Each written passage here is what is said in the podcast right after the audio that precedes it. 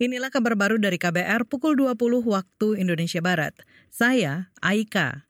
Menteri Koordinator Bidang Kemaritiman dan Investasi Luhut Binsar Panjaitan mengklaim keberadaan kereta api cepat sangat diperlukan di Pulau Jawa. Karena itu proyek kereta cepat Jakarta-Bandung direncanakan akan diperpanjang hingga Surabaya, Jawa Timur. Ya, Jawa ini akan menjadi apa pulau apa kota pulau. Jadi artinya transportasi cepat seperti ini tak. Karena dari Jakarta sampai kemarin nanti hanya 30 menit. Saya kira sangat nyaman. Menko Luhut mengakui sudah diperintah Presiden Joko Widodo untuk membuat studi jalur kereta api cepat. Studi akan menjadi masukan dan saran bagi pemerintahan mendatang agar melanjutkan proyek tersebut. Pada 6 September, Luhut dan Gubernur Jawa Barat Ridwan Kamil akan mencoba naik kereta cepat Jakarta-Bandung. Dua hari kemudian giliran Presiden Jokowi yang akan naik.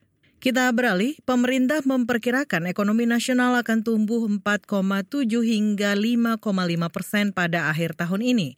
Menurut Gubernur Bank Indonesia Peri Warjio, pertumbuhan ekonomi nasional utamanya bersumber dari konsumsi domestik.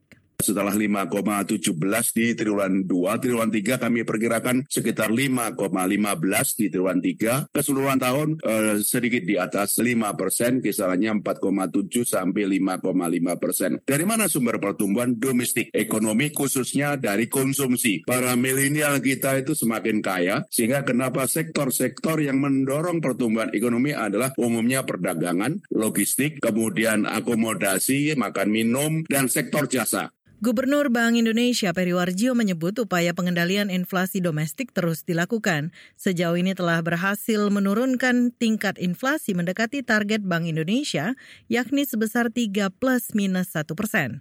Diperkirakan inflasi pada akhir tahun ini bisa mencapai kisaran 2,9 persen. Kita beralih ke Jawa Barat.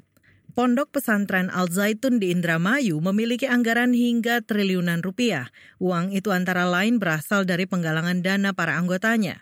Menurut Gubernur Jawa Barat Ridwan Kamil, fakta itu diketahui dari 31 pejabat negara Islam Indonesia NII yang kembali berikrar setia pada Negara Kesatuan Republik Indonesia NKRI pekan lalu. NII diduga terafiliasi dengan Ponpes Al Zaitun.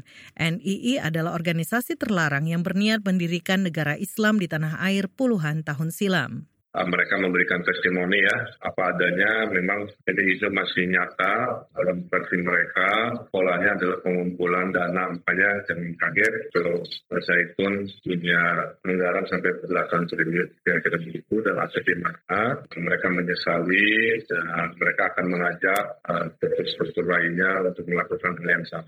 Gubernur Jawa Barat Ridwan Kamil mengaku tidak ada paksaan terhadap anggota NII untuk kembali ke NKRI. Usai ikrar tersebut, selanjutnya mereka akan dipantau khusus oleh sejumlah lembaga antara lain Badan Intelijen Negara BIN. Saudara, dalam polemik Al Zaitun, kini pimpinan Ponpes tersebut ditahan Bares Krim Polri karena sejumlah dugaan, antara lain penistaan agama.